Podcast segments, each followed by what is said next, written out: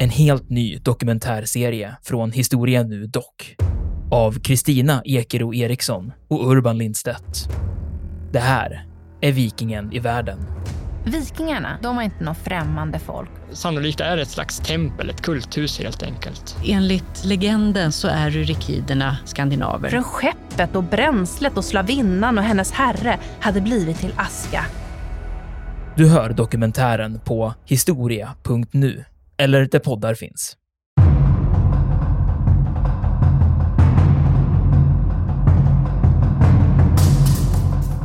Vi måste ju nämna det, att det finns något av det mest brittiska som någonsin kan hända efter att Sheffield har blivit träffad av de här eh, missilerna. Att de börjar sjunga. Alltså det är faktiskt det är ganska tragiskt. Jag fattar inte vad det är som pågår på den här båten. Men alltså det är 20, 20 personer som dör direkt. Men det som händer är att man då börjar sjunga på den här eh, Monty Python-låten. Always look on the bright side of life.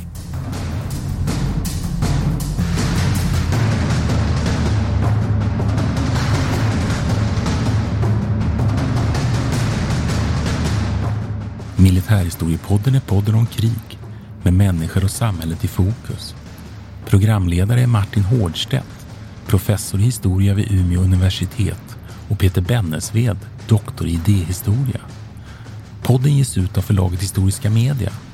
Stöd gärna MH-podden via vårt swishnummer 123 610 76 68. Märk betalningen med MH-podden.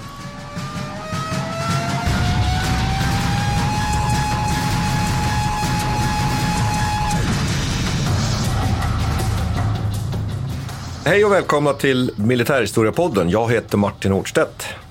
Och det här är Peter Bennesved. Och idag, snön faller utanför mitt hus i Tavastehus. Och jag vet inte hur du har det uppe i Umeå, Peter. Hur är det där? Jo, men här har, här har det dumpat typ tre decimeter. Nej, jag vet inte riktigt tre decimeter. Va? Det är mm. väl inland kanske, men en och en halv har det nog kommit här i alla fall. Ja, och det passar ja. väl ganska bra egentligen för dagens ämne, nämligen Falklandskriget. Just det. Och Sydatlanten.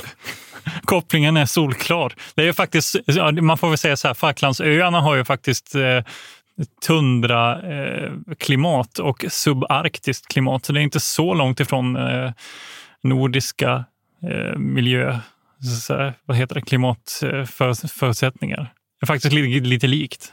Ja, Eh, och det, det där är ju en sak som kommer att påverka den här berättelsen nu som vi ska lyfta fram idag. Ja. Nämligen att, att det finns ju ingen skog eller någonting på de här öarna. Utan de, de är ju helt avskalade. De är väl egentligen lite sådär som, som fjällvärlden. Fast med lägre toppar skulle Ungefär. man kunna säga. Och det är väl, jag vet inte om Färöarna man skulle kunna jämföra med eh, också, som ligger mitt ute i Atlanten. Att det är som en Eh, en ögrupp egentligen där man huvudsakligen ägnar sig åt fåruppfödning. De exporterar ju väldigt mycket ull från Falklandsöarna. Och sen så är det ju fiskeindustri liksom. och valar och så historiskt sett som man håller på att jaga val. Jag vet Vi kan ju säga någonting om vad det här, det är kanske inte alla som känner till var Falklandsöarna ligger. Nej. Det, det... vet inte, man kan säga att de ligger ju egentligen på den södra vad blir det, sydöst om Argentina, ganska långt ner, alltså precis på den södra tippen av Argentina. Och där, där finns det ett, ett, antal öar. Det är egentligen två stora ökomplex med ett sund emellan som brukar kallas östra och västra Falklandsöarna. Och sen är det egentligen ja, det är runt 700 små kobbar och skär egentligen som ligger runt omkring här. Det är som en liten önation som faktiskt är hyfsat självständig vad jag förstår vad det gäller sitt styre, men som fortfarande då hanteras och dess utrikespolitik och militärt är det då styrt av Storbritannien har varit egentligen sedan 1831. Just det. Visst har jag fått det där rätt? Ja. Man kan ju nämna då att en av de här, ska vi säga då, du säger kobbarna här, men en av de större då öarna utanför så att säga huvudön, Falklandsöarna, är ju Sydgeorgien som kommer ju att spela en viss roll sen i det här krigsdramat. Men eh, jag vet inte, är du man att reda ut de här politiska anspråksproblemen kring Falklandsöarna, eller Malvinas som ju argentinarna pratar ja, om. Ja, precis. Nej, men det, här, det här är en historia då som går tillbaka till ungefär 1690. Då är det en, då är det en, upp, en um, upptäcktsresande som heter John Strong som åker dit på uppdrag av en skotsk adelsman som heter Anthony Carey som för övrigt var greve av Falklands, eller Falklands i, i Skottland. Och det är därifrån namnet kommer. Så när John Strong han döper det här sundet till till Falklandssundet och sen får öarna då samma namn. Men sen så finns det ju samtidigt konkurrerande namn som du nämnde, Malvinerna som mm. man använder i den latinska mm. sfären. Och det här rör från någonting som hände lite senare, då, in på 1700-talet. 1764 så kommer då en fransk expedition dit. Och de reser från Saint Malo. Eh, och den här franska upptäcktsresanden som heter Bougainville, jag, kan, alltså jag är så dålig på franska namn, men Bougainville. Bougainville. Bougainville. Ja. Ja, Bougain... du har ju läst lite franska. ja, hur som helst. Han döper den här till eh, den här lilla eh, bosättningen, eller fiskebosättningen då, till Port Louis. Och det här namnet då, egentligen så, så, av någon anledning så, så slår Sankt Malo an någon, någon slags tradition då, som man brukar kalla Malouins som sen utvecklas till Malvinerna. Det. Och detta namn använder man då officiellt även inom FN Eh, inom den latinska språksfären fortfarande. Så, så, vi kommer att prata om Malvinerna å ena sidan och Falklandsöarna eh, å andra sidan, men det är precis samma, samma ökomplex. Så att säga. Sen, sen är det då, eh, det blir tvistas, man, tvistas det en hel del om de här öarna, vem som ska ta hand om dem, vem som ska styra det. Och det går från, från franskt styre eh, till delvis brittiskt och sen så blir det även spanska intressen i det här området. Eh, men sen slutligen egentligen den perioden som är intressant för oss, det är då eh, 1831 så upplöses det här spanska eh, liksom, intresseområdet och, blir, och då, då, tar britterna över 1832 efter någon slags amerikansk eh, räd här. Och då tvistar man om fiskerättigheter. Men egentligen den, den här händelsen 1831 då, det är den som, som ligger kvar i det argentinska politiska minnet. Och det är den man refererar till hela tiden när man försöker återta de här öarna sen eh, mer än hundra år senare egentligen. Mm. Och det är väl för att man menar väl att man ju ärver de här öarnas rättigheter från det gamla moderlandet Spanien i och med ja. självständigheten. Exakt, de sydamerikanska staternas här... självständighet just på, på 1820-1830-talet. Det är den här guvernören i Buenos Aires som heter Juan Manuel de Rosas som protesterar då mot det här brittiska tilltaget 1832. Och sen, sen dess har man också eh, bråkat om detta. Man tycker att detta tillhör Argentina. Då. Quality sleep is essential. That's why the Sleep Number smart bed is designed for your ever-evolving sleep needs. Need a bed that's firmer or softer on either side? Helps you sleep at a comfortable temperature? Sleep Number smart beds let you individualize your comfort so you sleep better together. JD Power ranks Sleep Number number 1 in customer satisfaction with mattresses purchased in-store. And now save 40% on the Sleep Number limited edition smart bed for a limited time. For JD Power 2023 award information, visit jdpower.com/awards. Only at Sleep Number stores or sleepnumber.com. Here's a cool fact: a crocodile can't stick out its tongue. Another cool fact: you can get short-term health insurance for a month or just under a year in some states.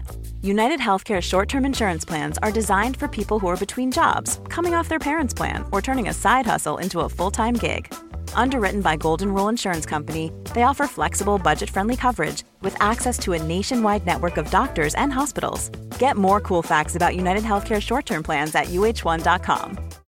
Millions of people have lost weight with personalized plans from Noom, like Evan, who can't stand salads and still lost 50 pounds. Salads, generally, for most people, are the easy button, right? For me, that wasn't an option. I never really was a salad guy. That's just not who I am. But Noom worked for me. Get your personalized plan today at Noom.com. Real Noom user compensated to provide their story. In four weeks, the typical Noom user can expect to lose one to two pounds per week. Individual results may vary.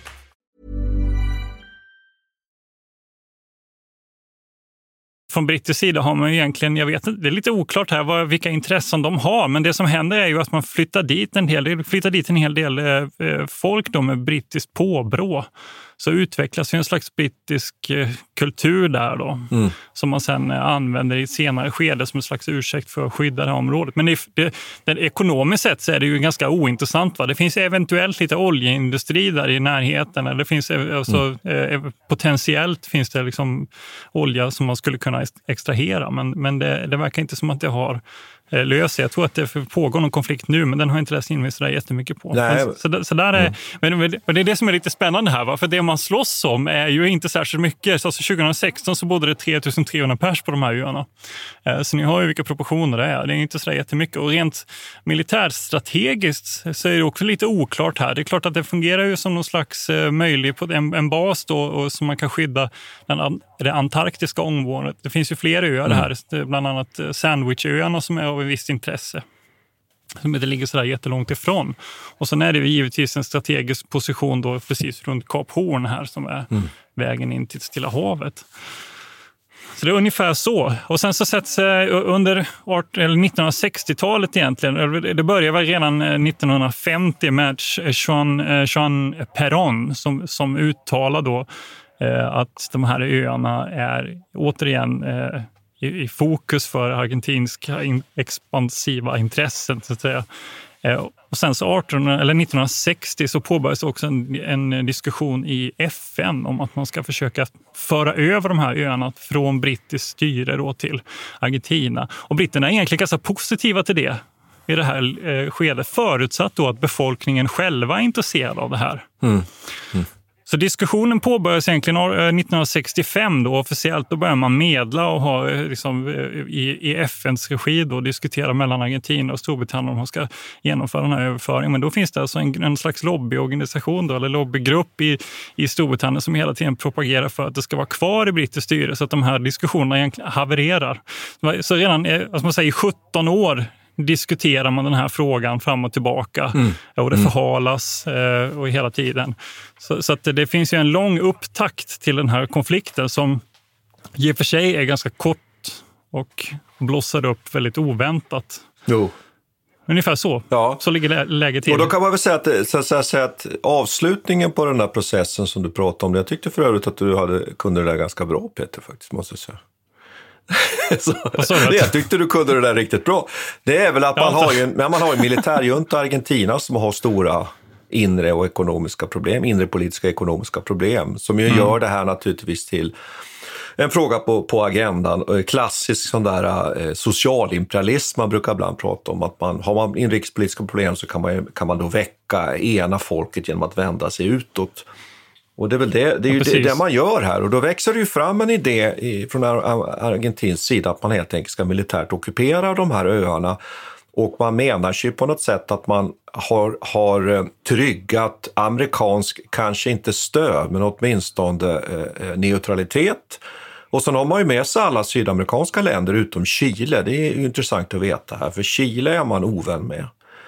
Och det skapar ju problem, mm. så man vågar inte sätta in egentligen en, en, del av de bästa förbanden som Argentina har kommer att ligga vid chilenska gränsen kan vi säga direkt. Ja, man, åtminstone tror man ju i alla fall att du ska ha med de flesta sydamerikanska ja. länder, men det är inte alla som faktiskt sluter upp. Det är Peru är väl egentligen den, det enda landet som mm. helhjärtat sluter upp på Argentinas sida, men Brasilien och Colombia vacklar ju egentligen inför eh, eller efter liksom, brittiskt tryck. Och det är väl också så att Chile inte bara eh, förhåller sig kyligt till det här utan de också aktivt hjälper Storbritannien i den här konflikten sen. Men det är i och för sig. Men, men vi, kan åter, vi kan återkomma till det. Men det där är ju intressant, för det som det du kallar för socialimperialism eh, kan man också diskutera, diskutera i form av diversionary wars. Du har hittat en jätteintressant bok här av en kvinna som heter Amy Oakes som har skrivit om detta.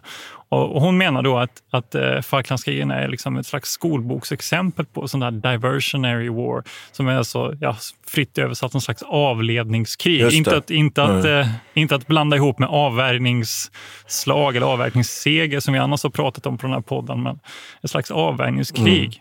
Ja, just avvärjningsseger, det, det, kan vi bara påminna om. Det, det, brukar man ju prata om i det finska fallet. Där pratar ja. man ju avvärjningssegrar ja, ja, under, under vinterkriget bland annat och fortsättningskrig. Och det, och det är någonting annat. Det, är något det här annat. är alltså Men, men det hon, eh, som jag tycker är väldigt intressant med det här, det är att hon egentligen säger att det fanns ingen avsikt att sätta igång ett krig så, utan det man egentligen var eftersökte, det var ett så kallat diversionary spectacle, eller spektakel, mm. för att alltså, samla nationen då inför att lösa de här inrikespolitiska problemen som höll på att slita sönder maktbasen för den här militärjuntan. Eh, men, att man eh, då, men, men ett problem då är att de här staterna som, är ganska, som har en ganska svag ekonomisk bas och väldigt eh, få möjligheter att så, lösa inrikespolitiska problem med snabba reformer.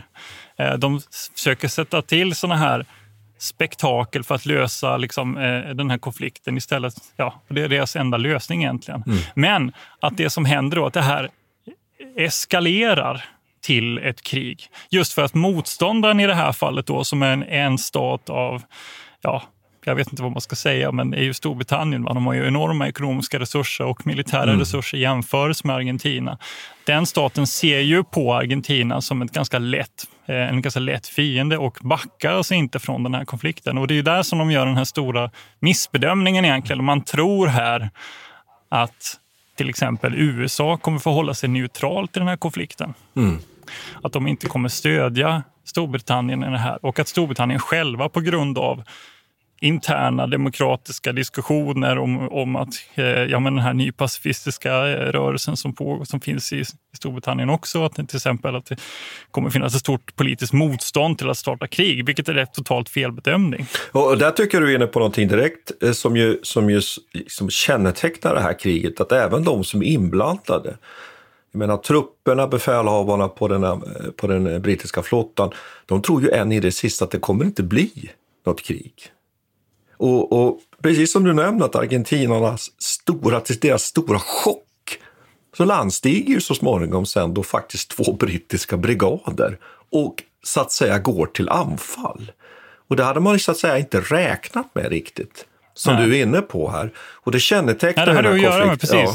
Och det tycker jag är så fascinerande. Det har att göra med diskussioner som mm. pågick i pågick i FN då till exempel. Att det var liksom på, på modet. De hade ju satt igång det här dekoloniseringsprogrammet 1960 till jo, exempel. Jo, och en jo. rad olika länder mm. hade liksom, och det var, fanns en allmän uppmaning att Storbritannien till exempel bland andra, eh, bland andra kolonialländer då skulle ge upp sina anspråk på de här olika områdena. Så man tänkte att det här var helt och hållet var i linje med liksom, den politiken som fördes globalt. Men så blev det Nej, och, där, och där kan man ju naturligtvis spekulera. Och vi, vi kan ju inte komma fram till, vi har ju skrivit väldigt, väldigt mycket om de här, de här och det är fortfarande mm. så att Falklandskriget är ju omstritt. Var det värt det? Eh, var det rätt? Men att också Margaret Thatchers regering, jag tror att hon är väldigt viktig här. De, de är ju inte bara en fråga om att slå vakt om eventuella strategiska ekonomiska intressen på Falklandsöarna, utan det handlar ju också om en moralisk fråga. Ska man, ska man, mm. ska man acceptera den här typen av agerande från andra stater? Och det där är ju en enormt problemkomplex som jag inte tror att mm. vi, vi, kan lösa här och, och, andra inte har kunnat göra. Men ja. det faktum är att man, man, ja. man, ja, men man fattar ju till slut beslut om, mm. och det här är, kan man ju tycka är väldigt fascinerande, att plocka ihop en expeditionskår och skicka den till andra sidan jordklotet för att landstiga på några gudsförgätna öar, om jag får uttrycka mig så. Det är ganska fascinerande. Man kan inte annat än, ja. än vad ska vi säga, både, både kanske lite beundrare och kanske nästan lite också faktiskt nervöst skratta åt britternas förmåga. Och det är ju inte första gången mm. britterna gör det här. Det här är ju en... Nej, det är ju typiskt att de vaskar ja. fram resurser från forna kolonialstater. Eller så, Nya ja. Zeeland och Australien engageras och sådär. Alltså det, jo. Det, och jag skulle vilja... Men får jag säga, ja, ja, kör. Ja, får, får jag säga en sak om Thatcher bara i, i det här sammanhanget, precis, så kan vi avsluta den här grejen. Eh, att det som är väldigt fascinerande med den här konflikten är ju också att den här eh, juntan, Leopoldo Galtieris motiv mm. då att sätta igång det här som en slags avledningskrig, det misslyckas ju totalt. Emedan Thatcher på sitt håll, som också har ekonomiska problem i Storbritannien eh, och vars hennes eventuella liksom återval då i valet 1983 står på spel, får det här kriget serverat egentligen. Och, och Eh, Eh, eh, hon kan ju sin tur eh, egentligen eh, inte alls planera att använda detta krig som ett eget slags diversionary spectacle, eller diversionary war, till sin fördel. Och det är ju det som är så väldigt intressant här. Att det, eh, för Argentinas del så misslyckas det totalt Trots att det är de som sätter igång det medan det blir en stor eh, prestigevinst för Storbritannien. Och just som du var inne på här, att det här visar ju, nu kan de ju prata om Great Britain igen. För att just de, lyckades visa den här förmågan att vaska fram resurser eh, och och sätta ihop mm. den här expeditionskåren på kort tid och skicka iväg den. Väldigt framgångsrikt. Ja, det, där, det tycker jag är intressant det du säger. Och så tycker jag också en annan sak, för det tror jag är alldeles riktigt, att Thatcher får ju det här serverat som du säger. Och sen en annan sak jag tycker man kan bara lyfta fram, den här gamla regeln, eller lagen kan man säga, att, att demokratier för ju inte krig mot varandra, utan här är det ju också en, en en diktatur. Det är ju viktigt att komma ihåg. Och eh, jag, mm. jag, läste eh, bland annat eh, en av de som, som ju faktiskt var med, en, en, en krigskorrespondent som heter Max Hastings som har skrivit, som jag tycker är en väldigt bra bok om Falklandskriget. Eh, han är med på plats som sagt eh, och han menar ju att det här kanske var det bästa som har hänt Argentina under den här perioden i historien. Därför att det här kriget kommer ju så småningom, när vi ska summera lite här, ju att leda till att den här juntan faktiskt faller. Mm. Men om man återgår då lite till det här, lite, men vi kommer in på det här militära skeendet, så kan man väl också, ska man också nog vara var på det klara med att det var inte självklart att Storbritannien trots sina då relativa resurser skulle ha gått i land med den här operationen. Därför att argentinarna var, okej, okay, de var visserligen då ett, ett, fattigare land och hade sämre, eh, sämre förutsättningar, men de hade ändå en, en tämligen stor flotta med ytstridsfartyg, bland annat en, en, en lätt kryssare, ett hangarfartyg, ett antal ubåtar. Man hade Vapen som, som räknade över 150 stridsflygplan varav tio var, var, var nyköpta franska eh, stridsflygplan. Och man hade också den här sjömålsroboten, Exocet-roboten och man hade eh, förband som höll tämligen god klass, även om vi har nämnt att en del av de här bataljonerna kommer att ligga vid chilenska gränsen. Men man hade en armé i alla fall som var utrustad, en värnpliktsarmé som hade fått amerikansk träning. Så att det var inte snutet att det här hade lyckats bara ur brittisk synvinkel, utan här skulle jag ju vilja säga redan nu att det som är helt avgörande under hela den här konflikten är inte nödvändigtvis de här materiella förhållandena, utan det är ju den den överlägsna brittiska utbildningen från den enskilde marinkårssoldaten och uppåt. Och där, eh, för vi ska komma in lite på. Sen, sen tycker jag att kriget är ju också intressant ur den här är ju någonting som vi har följt i de här poddarna, det här teknikhistoriska. Militärtekniken, att det är ju ett krig som förs i den här teleåldern. Teleåldern. Och där kan man väl konstatera att man ju man har satellitkommunikation med, med telefoner. Däremot inte så mycket hjälp av spionsatelliter. Och inte heller så mycket flygfotografering heller som man skulle kunna tro. Men ändå stöd av den här typen av, av, av funktioner. Och också att detta med radar. Va? Eh, olika typer av radarsystem, trådlösa robotsystem.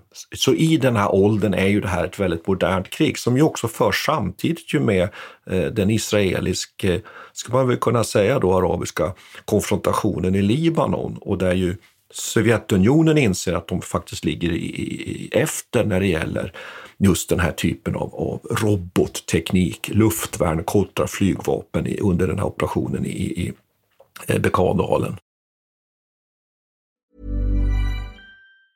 Normally being a little extra can be a bit much, but when it comes to healthcare, it pays to be extra. And United Healthcare makes it easy with Health Protector Guard fixed indemnity insurance plans. Underwritten by Golden Rule Insurance Company, they supplement your primary plan, helping you manage out of pocket costs without the usual requirements and restrictions like deductibles and enrollment periods. So when it comes to covering your medical bills, you can feel good about being a little extra. Visit uh1.com to find the Health Protector Guard plan for you.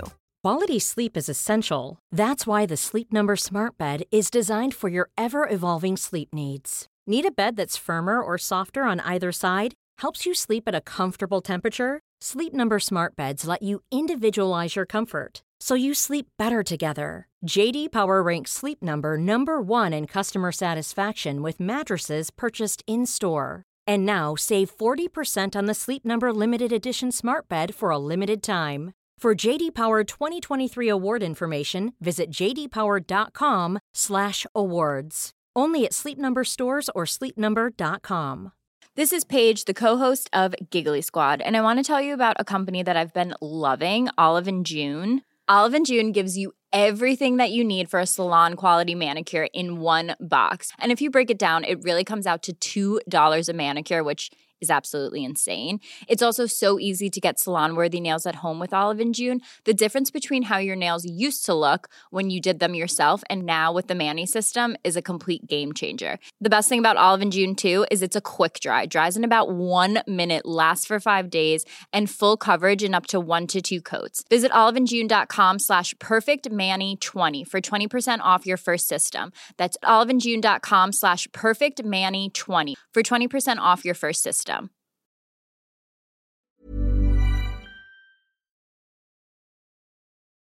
För fråga en grej här, alltså det måste ju få, när du säger att de, använder, de köper in tio stycken franska flygplan. Ja. Eh, I ett ganska sent skede. Och någonting som är känt är de här Exocet eh, missilerna ja. också.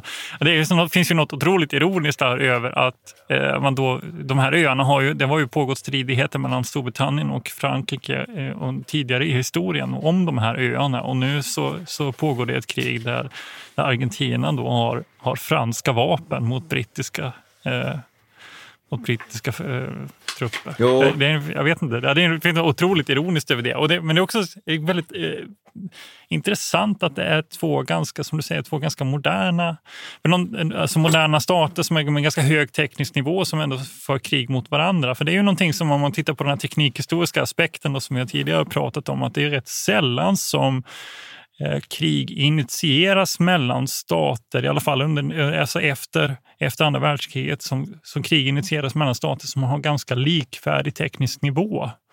Utan en förutsättning brukar nästan vara att den ena då är tekniskt, har ett tekniskt övertag mm, och mm. den som är, är, ligger under istället löser sina problem med, med grillataktik eller någonting annat. Alltså någon slags Precis. okonventionell mm. krigföring för att, lösa, för att lösa sina uppgifter istället. Och det är ju eh, Falklandskrigen väldigt intressant på det viset. Ja, ja, då skulle jag direkt vilja kommentera till och säga att här är det en intressant situation och man kan ju diskutera om de är på olika nivå här. Delvis ja, eh, visst, eh, britterna har en hel del militärteknik som de kommer att använda sig av som, som argentinarna inte har, men Argentina har delvis en del av den här tekniken. Och man kan väl bara säga så här att det som var problematiskt för den brittiska flottan är att de hade svårt att skydda sig mot den här typen av sjömålsrobotar. Och mot flyg, flyganfall överhuvudtaget. Det fanns alltså brister i den brittiska fartygens eh, beväpning som gjorde att det var, det var lätt att slå ut fartyg på långt avstånd och väldigt nära, men däremellan om man uttrycker sig så. Och också att när de här robotarna väl och anfallen kom så hade de brittiska fartygen väldigt svåra av olika tekniska skäl att sam verka och hjälpa varandra att slå ut det här hotet, utan fartygen stod liksom ensam mot det här flygplanet eller flygplanen och de robotar som hade låst på deras fartyg. Eh, Men är det de tekniska förutsättningarna som gör då att de inte kunde samverka? Ja, det har att göra liksom med radarsystemens problematik, att de inte var tillräckligt välutvecklade. Idag har man ju löst det, men att de, de eh, till exempel råkar man ut för under Falklandskriget att när flera robotar låser på ett fartyg, ja, då startar systemen om för de klarar inte av att hantera flera mål till exempel. Så att det finns alltså en uppsjö av sådana här tekniska problem som man plötsligt liksom eh, råkar ut för. Och det är ju spännande också att, som du säger nästan till skrattretande, att det är fransmännen som förser då det argentinska flygvapnet med de här faktiskt väldigt ny, nya moderna flygplan av Etendard, eh, flygplanen, tio stycken, och att de har fem stycken då sådana här luftburna Exocet-robotar. Sen hade de fler, men de var då bundna till fartyg. Och det här är ju ett vapen som ju britterna också har. Det finns ju brittiska då sjöofficerare som säger då som uttalar just att, att det ska bli så att säga obehagligt spännande att slåss mot sig själv nu så att säga, att möta sina egna vapensystem.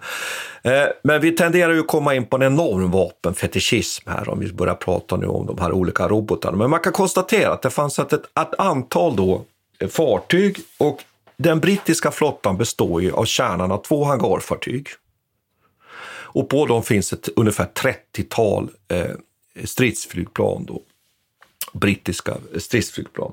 Som ju dessutom inte heller är, är fullt ut faktiskt eh, eh prövade i strid. Det där är ju också lite spännande. Alltså den här Sea Harrier som finns med då i lite olika varianter finns inte i så många antal och den är inte riktigt testad.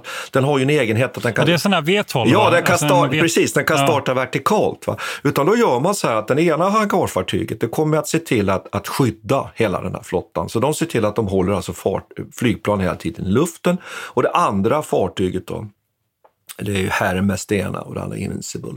De här två, det är små fick fickhangarfartyg kan man också säga. Det är inte så de här jättestora amerikanska jättarna. Och det andra fartyget är det som framförallt producerar eh, eh, de här attackerna. För man inleder ju snabbt här att börja anfalla då argentinska ställningar på Falklandsöarna, framförallt eh, flygfältet vid Port Stanley och så vidare.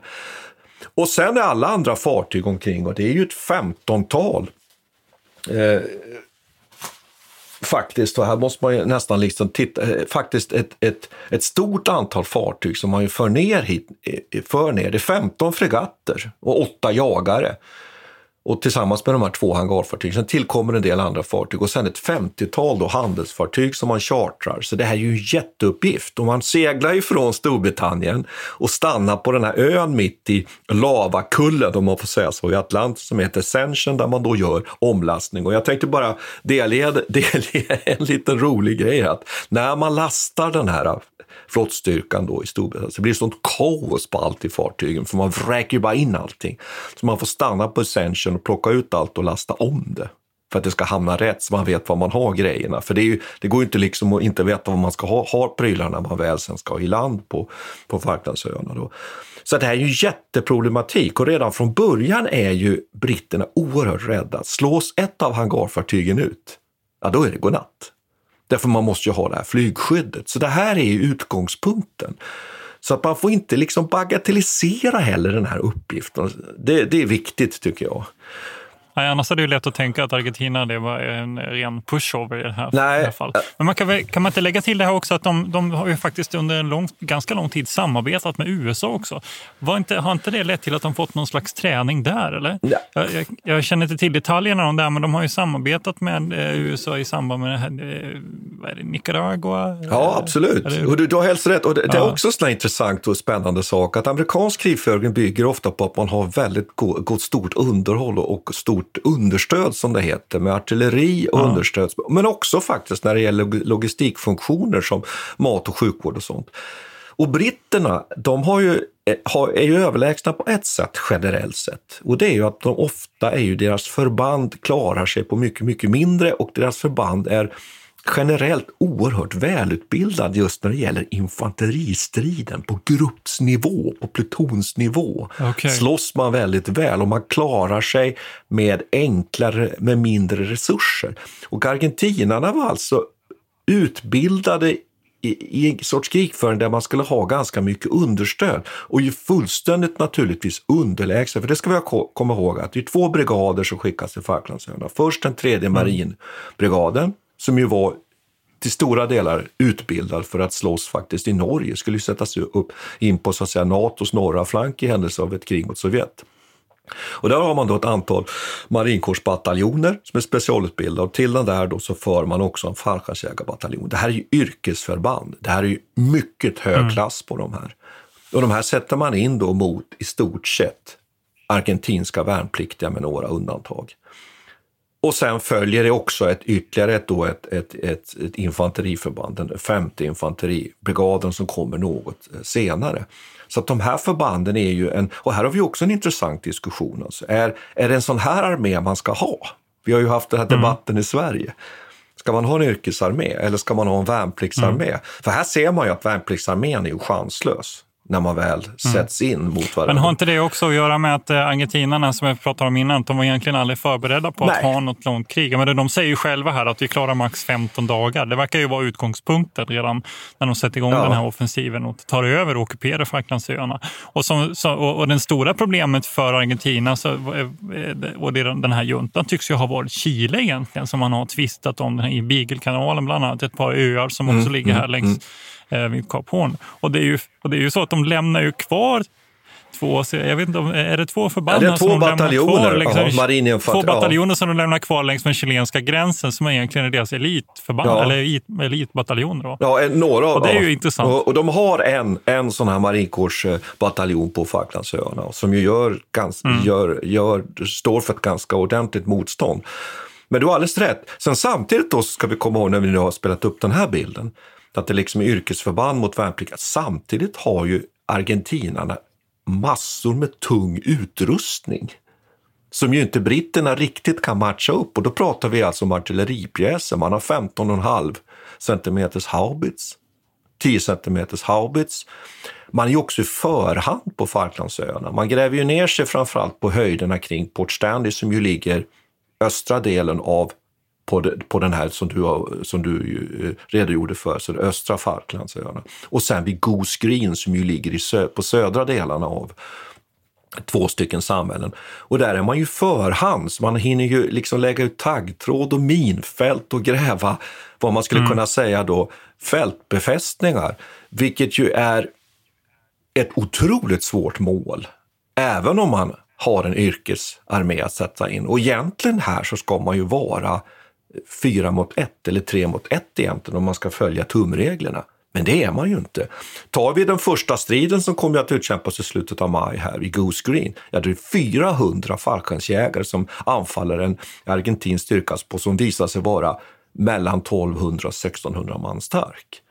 Ja. Och de brittiska officerarna säger vid flera tillfällen här att jag menar, hade jag, hade jag fått den här ställningen att försvara, ja då hade, då, då hade vi fått stanna här tills vi hade blivit eh, pensionärer. Men om du, om du, nu, du får det låta som att det, förutsättningarna var ganska goda här egentligen Ja, för Argentina. Men, var men varför, varför har vi då intrycket av att, det här var, att de var en pushover? Att det var en walk in the liksom park var- som britterna hade sagt. Ja, men det är ju, det är ju en, den bilden man har av det här när man pratar om Falklandskriget. Nej, och det har att göra med det klassiska. Det är ju stridsmoralen, det är ledningen. Officerarna är de som lämnar stridsställningarna först. De leder inte sina förband. Eh, utbildningsnivån är för låg. De här stackars eh, eh, argentinska soldaterna är lamslagna av vädret. Och det tog tufft på britterna också. Men det tog ännu tuffare på argentinarna. Så där har vi hela förklaringen. att Hade det här varit välmotiverade argentiner må så vara dåligt utbildade så hade det här blivit mycket, mycket tuffare för britterna. Så att jag tror att det som vi resonerar kring här, just det här att man nog egentligen aldrig trodde att det här skulle bli ett krig. Nej. Nej, precis. Jag fattar, jag fattar det också. ja. Jag, vet att jag, har- jag har ingen erfarenhet av det här, men Ja. jag kan ju tänka mig att om, man, om man liksom Sverige plötsligt skulle få nyss om att hela liksom, en, en, en stor expeditionskår från Storbritannien är på väg och skulle ta över Gotland. Ja. Alltså, när fan skulle man bli nervös om man satt där? Alltså, jag fattar, Jo, jag fattar nog att man skulle jo. vara... Eh, viss, vissa tvivel skulle liksom... Eh, dyka upp i bakhuvudet här, om det här verkligen kommer gå vägen. Eh, Oavsett hur... hur liksom, Men då Peter, om du är väl ledd, du har förtroende för dina officerare, du har förberett dig Ja. väl och du är motiverad, då slåss du. Och då är det svårt Mm. för en motståndare att anfalla och ta förberedda stridsställningar. Det ska man ha klart för sig. Så att det är någonting som är väldigt viktigt. Men jag tänkte att vi, vi kanske ska ta några, några sådana här hållpunkter. Det är att den, den 19 mars så tar ju Argentina den här Sydgeorgien, den här ön. Och det tycker jag man kan, kan man ju nämna här. Och sen landstiger man då 2 april. Eh, och sen anländer då den här äh, brittiska flottan så smått och då föregås man ju av äh, atomubåtar. Och här tycker jag vi kan ta upp en sak som är en av de här sakerna som i samtiden, jag kan ju säga att jag minns ju faktiskt det här kan jag ju säga direkt Peter. Jag, jag minns ju det här. Jag var ju så pass äh, gammal så jag minns, minns hela det här kriget och rapporteringen från det. Och det är att eh, man bestämmer sig då för att utlysa en skyddszon kring Falklandsöarna och så säger man att inga fart, alla fartyg som rör sig nu in i den här zonen de kommer vi att sänka. Och man bestämmer sig för att trots att den här kryssaren, det är en argentinsk kryssare som rör sig mot zonen, oklart om de gjorde det, och det här, det här diskuterades mycket, men den fanns strax utanför zonen. Och det var den här eh, kryssaren då, general Belgrano. Då bestämmer man sig från brittisk sida faktiskt att sänka den. Och det gör man då med en av de här atomubåtarna, Conqueror. Och där skjuter man faktiskt ett antal eh, torpeder från, från andra världskriget. Och två av de här torpederna träffar det här fartyget och fartyget sjunker. Och vi behöver inte uppehålla oss mer med det. Men förlusterna som argentinarna har under det här Falklandskriget, de kommer i stor utsträckning här, för här dör en 200-300 eh, människor mm. som drunknar helt enkelt. Sänkningen av kryssaren. Och här är vi direkt inne på här plötsligt så visar det sig att det här kriget är, är verkligt. Och det kommer att besannas bara några dagar senare sen också, när alltså de argentinska luftanfallen börjar mot eh, den här flottan.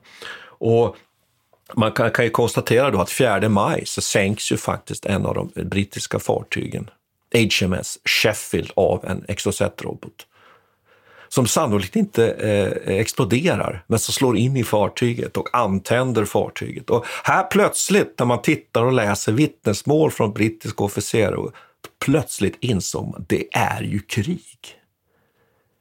Och det, jag tycker hela tiden i Falklandskrigets historia så är det just det att man går från att det kommer aldrig bli krig till att det blir krig. Och sen är ju kriget igång. Får jag bara säga en sak om Sheffield först? Ja. Vi måste ju nämna det, att det finns något av det mest brittiska som någonsin kan hända Eh, i historien är ju eh, den här eh, det som händer när, efter att Sheffield har blivit träffad av de här missilerna.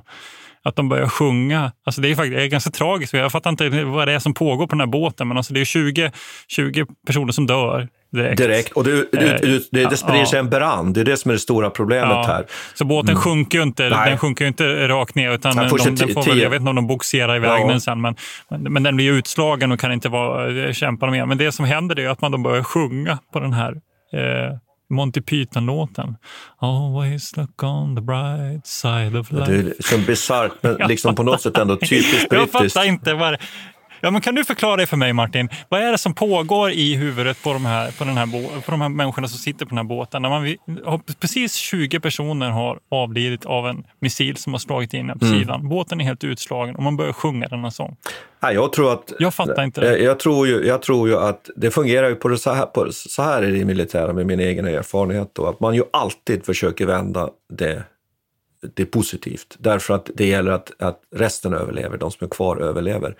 Sen kan man ju skratta lite åt det här. Det finns ju någon form av, av, av brittisk förmåga att alltid över, överleva även de värsta katastroferna. Så att det är, ju, det är ju fascinerande, det är klart att det inte går att förklara, men jag kan tänka mig att det kan finnas en, en sån form av reaktion där det liksom slår över. Det går varvet runt och så blir det nästan eh, humor av det på något sätt. Men Problemet för britterna, jag kan ju nämna det då med sänkningen av Sheffield, att där man hade stora problem under Falklandskriget var att när man blev träffad så visade det sig att fartygen dels var konstruerade av aluminium och smälte.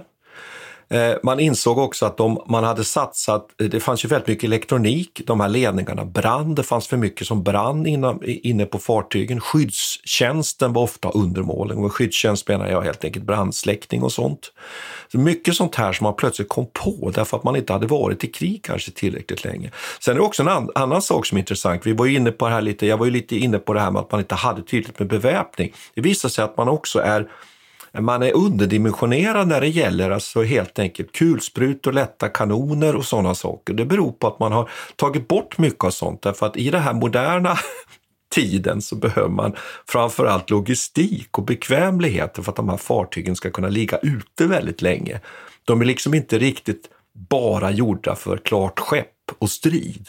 Och Det är ganska fascinerande att man inser de här sakerna när man är där nere i Sydatlanten. Det är bra att man har bra bekvämligheter, därför att då har man lång uthållighet. Men samtidigt gör man att man har mindre vapen helt enkelt, att slåss mot fienden med när det kommer till kritan. Så jag tycker, det är väldigt intressanta utvecklingar det är det, det är det faktiskt. Och att de här, hela den här flottan, alltihopa här, man, det är ju som du, jag tror att du nämnde det faktiskt, att ett av de här hangarfartygen är på väg att sälja till Australien.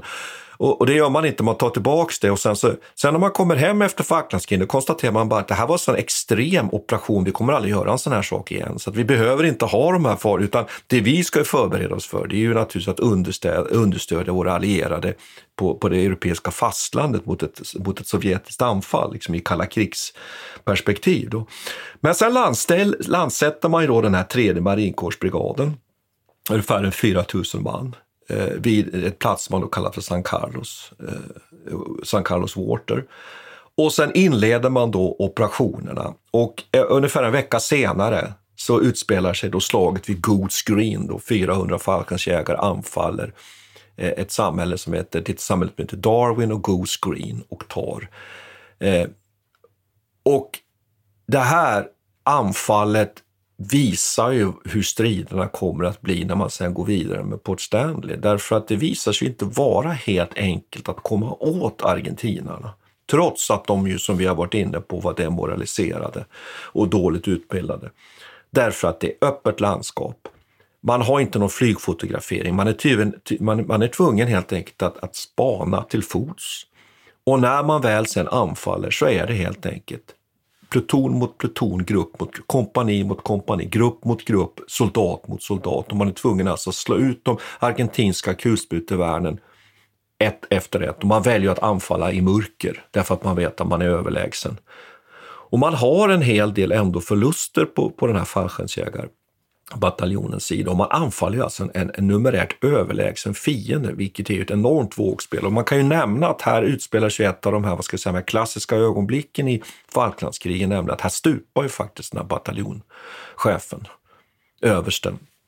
Jones under här slaget. har varit mycket skriveri, blev mycket skriverier kring hans agerande, att han att han var våghalsig. Men det är, ett, det är, ett, det är ett, ett sekvens i slaget där anfallet eh, kör fast och han behöver få momentum.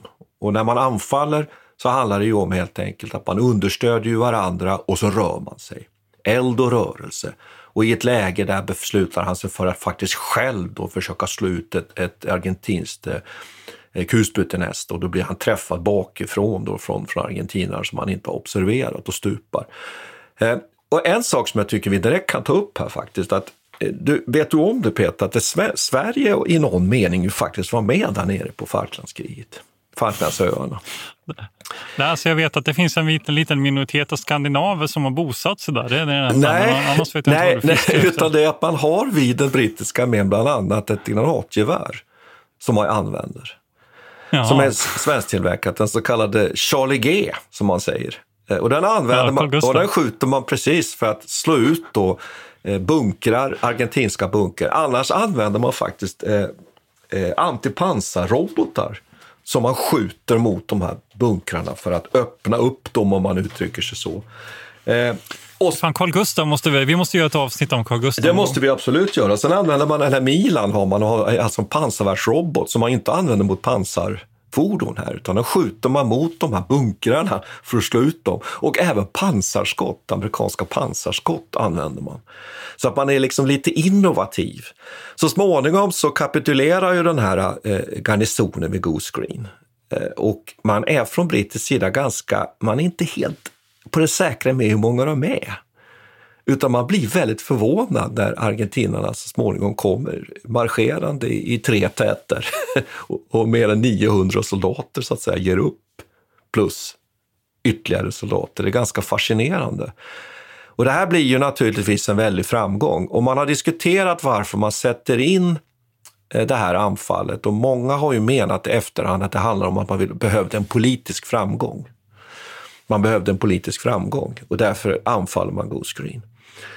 Det som sen blir nästa steg, den är ju att man för det första då låter den här marinkårsbrigaden fortsätta österut mot, eh, mot Port Stanley och sen så plockar man i land en eh, infanteribrigad, den femte infanteribrigaden.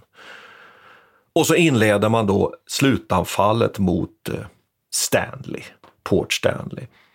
Och man kan väl säga korta drag att anfallet handlar ju om ett antal höjder väster om Stanley som man måste ta och den, den brittiska krigsplanen var ju helt enkelt att man först satte man in marinbrigaden, sen anföll femte infanteribrigaden sen marinbrigaden. Man liksom anföll i vågor då och tog då höjd efter höjd efter höjd. Och de här striderna, vet du Peter, de blir nog väldigt brutala faktiskt. Därför att en del argentinare, de ger sig inte det i mörker. Britterna har förluster och det blir man mot man och det finns enormt, kan man säga, brutala beskrivningar av hur de här marinkuststaterna bryter in i de argentinska ställningarna. Bland annat en, en, en major som skjuter två argentinare med sitt handeldvapen och sen sticker ner en med bajonett.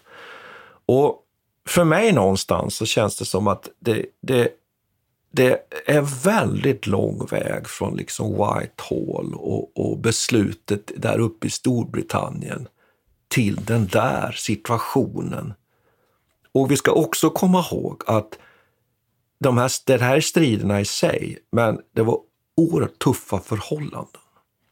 Man får ju en massa helikoptrar utslagna. Det finns ju massa saker vi inte nämner här. Argentinarna har ju viss framgång när det slutar en del transportfartyg för, för britterna. Och man får gå väldigt mycket, mycket mer än vad man hade tänkt.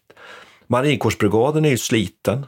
Det är tufft, det är kallt, även om man är utbildad. Delar av marinkårsbrigaden är framförallt utbildade i arktisk krigföring så är det ju tuffa förhållanden. Man förfryser fötter. Man har ett lågt, strids, lågt stridsvärde trots allt ändå, så går det ju ner efter ett antal dagar. Och argentinarna, en del argentinare ligger bara i sina sovsäckar och väntar bara på att kunna få liksom sträcka upp sina händer i luften.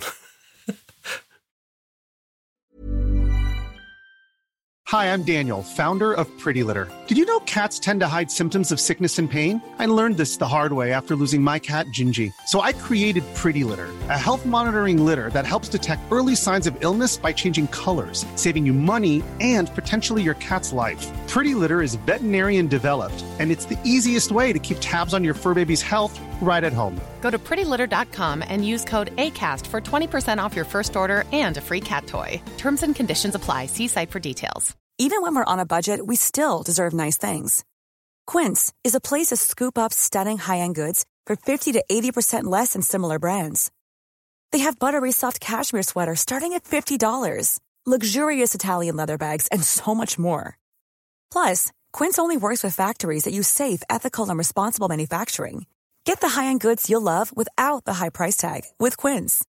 Go to quince.com/style for free shipping and 365 day returns. Mom deserves the best, and there's no better place to shop for Mother's Day than Whole Foods Market. They're your destination for unbeatable savings, from premium gifts to show-stopping flowers and irresistible desserts. Start by saving 33% with Prime on all body care and candles. Then get a 15-stem bunch of tulips for just $9.99 each with Prime. Round out Mom's menu with festive rosé, irresistible berry chantilly cake, and more special treats. Come celebrate Mother's Day at Whole Foods Market.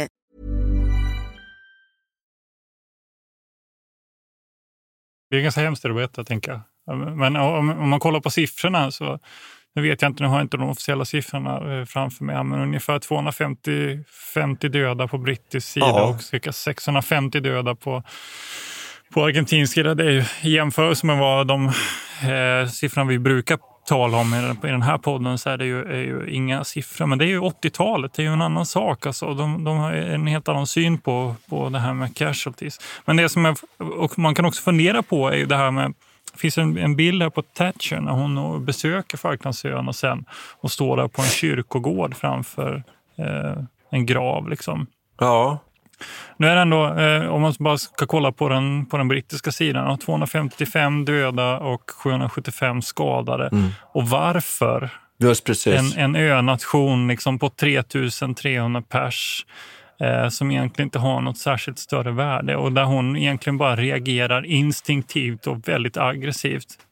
Möjligtvis av strategiska inrikeska, inrikesskäl. Liksom. Mm. Man kan ju fråga, det måste varit, eh, alltså när jag såg den här bilden så tänkte jag att det måste varit en ganska tuff känsla att stå där och känna att de här soldaterna dog för vad då mm. egentligen? Mm. Ja, eller så tycker hon att titta vad vi fortfarande kan, kan åstadkomma, vi britter. Ja. Eh, Men skulle den, här, den stupade soldaten, skulle han känna samma sak? Ja? kan man ju säga att det här är yrkessoldater. De vet mm. ju ja, de vet vad de, vet vad de ger sig in på. Men jag tycker att det är viktigt att i en sån här militärhistorisk podd också att hela tiden ha klart för sig att vi kan, vi kan prata om vapensystem, vi kan prata om, om robotar hit, robotar dit, vi kan prata om, om utrikespolitik och vi analyserar.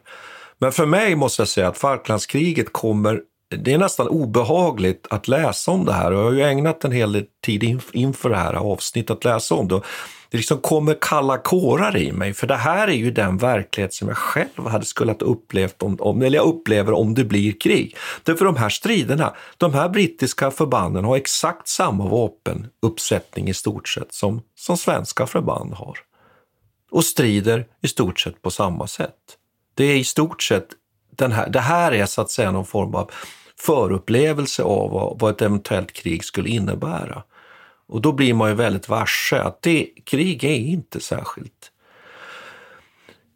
trevligt och vi ska komma ihåg att det handlar faktiskt om att döda den andra. Och det glömmer man ofta bort. Vi pratar om förluster, vi pratar om att bekämpa, vi pratar om att slå ut, men här handlar det faktiskt om att döda. Det får vi inte glömma bort tycker jag i, i, i, våran, i våran podd här och det här blir man varse.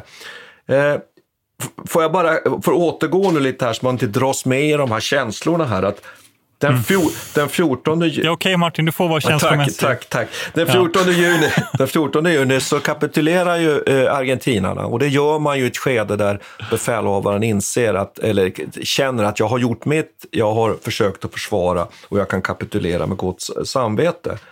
Men det är ändå så att det här slaget om, om Stanley får man inte bara tro att det var en walk in the park, utan det här var en tuff tuff historia. Och hade argentinarna, mm. som vi har sagt ett antal gånger här, nu verkligen målmedvetet velat försvara sig och slåss till sista man, då hade det här blivit ännu värre. Men vad, vad drar man för slutsatser av Falklandskriget? Peter? Vad? Ja, det är det man undrar. Ja. Vad ska man då? Alltså, det känns ju som att eh, Ja, men eftermälet som vi har diskuterat lite har ju huvudsakligen handlat om de politiska, liksom det stora politiska spelet här fram och tillbaka. Ja. Och, hur man har sett på det. Det har inte någon liksom, större efterverkningar rent i det här kalla krigsklimatet, alltså politiska utrikesklimatet, tänker jag inte att det, det, spelar så stor roll. Och det är också intressant att trots att vi befinner oss mitt i kalla kriget så, så har vi inte pratat någonting om kärnvapen eller nej, den risken som annars var, var, så, var så framträdande liksom, mm. i den europeiska diskussionen och som samtidigt, man får ju tänka att här är inte så långt från uh, ubåtskrisen i Sverige till exempel, där just Ja, men U137 ubåtar glider runt mm. med, med liksom kärn, laddade kärnvapen och så, som annars har varit Able Archer om ett år här. Eh, ja, men det, men det, är, det, är som ett väldigt isolerat, märkligt krig som det är som en slags, eh, vad ska man säga, ett litet akvarium. Liksom, jo. av händelser som, som är intressanta i sig, men som är svårt att värdera ur något slags långsiktigt historiskt perspektiv. Jo, och att vi har Eh, och, jag, och jag, jag, precis, jag tror att det här är ju, det kanske är ett av de sista kolonialkrigen kan man säga. Och, och sen mm. finns det ju massa diskussioner som man kan ta militärt här. Vi kan ju nämna det också att när det är svensk, svensk materiel så har man bland annat då svenska bandvagnar med här. Och, eh, också faktiskt. Från Hägglunds. Ja, från Hägglunds. Det är lite, lite lustigt att det är på det sättet faktiskt. Och sen ska också svensk Bofors 40 mm kanoner som jag tror vi vill komma tillbaka till. Men militärt så kan man ju säga att, att frågan är ju här, är det yrkesförband som är det bästa? Nej, det kanske det inte är därför att det inte är det typ av krig man kommer att utkämpa så småningom sen. Eh, eh, därför att man kan aldrig ha så stor yrkesarmé och ett, ett, ett, ett krig mellan stora stater det jag tänker mig nu på det som skulle kunna utkämpas, eventuellt skulle ha utkämpats eller utkämpas i, i Europa, ja, då, då är det stora förluster det handlar om. Jag menar, Eh, finnarna förlorar ju per, per, per dygn 200 stupade under vinterkriget till exempel. Och då hjälper det inte att ha, ha en marinkårsbrigad på, på 4 000 man eller något sånt där. Det fungerar inte. Däremot så är det helt klart så att med utbildning, välutbildade trupp, i det här fallet vin, i vinterklimat, det är klart att det är helt avgörande. God ledning, någonting som vi överhuvudtaget inte har varit inne på och diskuterat här, men som vi har nämnt i andra, är ju att de här striderna har ju sen, alltså konkret ner på kompani och eh, plutons, bataljonskompani och plutonsnivå har ju, har ju eh, eh, analyserats just utifrån det här med manöverkrigföring. Det här att man har stor frihet, att man är rörlig, att man fattar beslut efterhand, att man satsar på kraftsamling att man och så vidare. Och där har man diskuterat om de här anfallen verkligen följde manöverkrigföringens regler. Eh, att, var det verkligen så att man sökte den svaga punkten och bröt in det? Eller var det så att man faktiskt gick ganska head-on här, skulle nog Britta sagt? Eh, och hade ändå framgång därför att argentinarna var eh, utbildningstekniskt underlägsna. Hade man kunnat gjort på ett annat sätt? Så att det blev ju en väldigt, Falklandskriget blev ju på något sätt en väldigt, om man nu får uttrycka sig så, skola för framtida strider. Och det ser man att det är en flod av examensarbete till exempel på vår egen försvarshögskola i Stockholm behandlar ju just Falklandskriget utifrån det här. Så att, eh, och det är klart, och sen så ser man alla de här slutsatserna som man drar kring den här flottan, men lite där vi har varit inne på också, frågan är hur stor mening är det att dra de där slutsatserna om hangarfartyg, ska man ha sådana eller inte? Eftersom det här var så oerhört speciellt det här kriget. Eh, och, men jag tycker ju ändå att man kan komma fram till, till att det, det är ju ändå väldigt fascinerande och inget annat än en stor bragd ju att man klarar att skicka ner en flotta till Sydatlanten bara logistiskt och sätta in den. och vinna det här kriget. Eh, och, det, det, kan väl egentligen bli ett ganska bra slutord tycker jag ändå på något jag sätt. Tror, det. tror du inte det? Jag tror, jo, jag tror, att vi, jag tror att vi ska säga någonting. Eh, vi avslutar där. Jag tycker vi ska Men göra det. Vi ska säga någonting. Det som kommer härnäst då.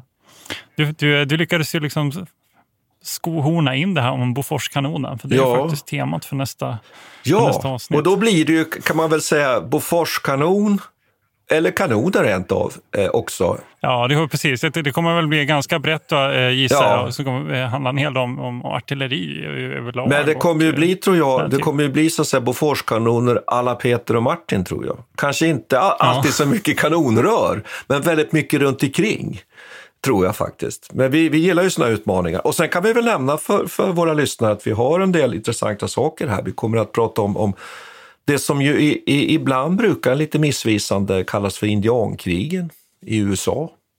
Little Big Horn ska vi ha, har vi med här. Och sen ska vi fortsätta så småningom här med, med jakten på Bismarck, hade vi ju tänkt i våran andra. Och min favorit Peter, slaget vid Valmy 1792. Okej, okay, tack för idag. Tack för idag. Hej! Vi tackar Peter Bennesved och Martin Hårdstedt. Kontakta gärna Militärhistoriepodden via mail på militarhistoriepodden historia.nu. Peter och Martin vill gärna få in synpunkter och förslag till programidéer.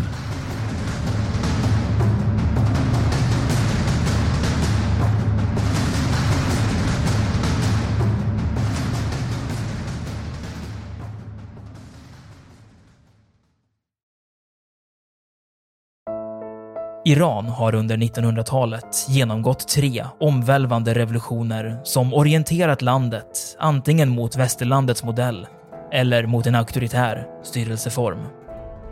Idag pågår en social revolution i landet som vänder sig mot det islamistiska styret och vars anhängare har Europa och väst som förebilder.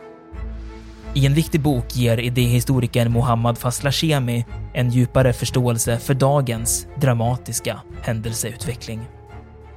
Iran mellan tre revolutioner är utgiven av förlaget Historiska Media. Beställ den fysiska boken på förlagets hemsida historiskamedia.se eller köp den i en bokhandel nära dig.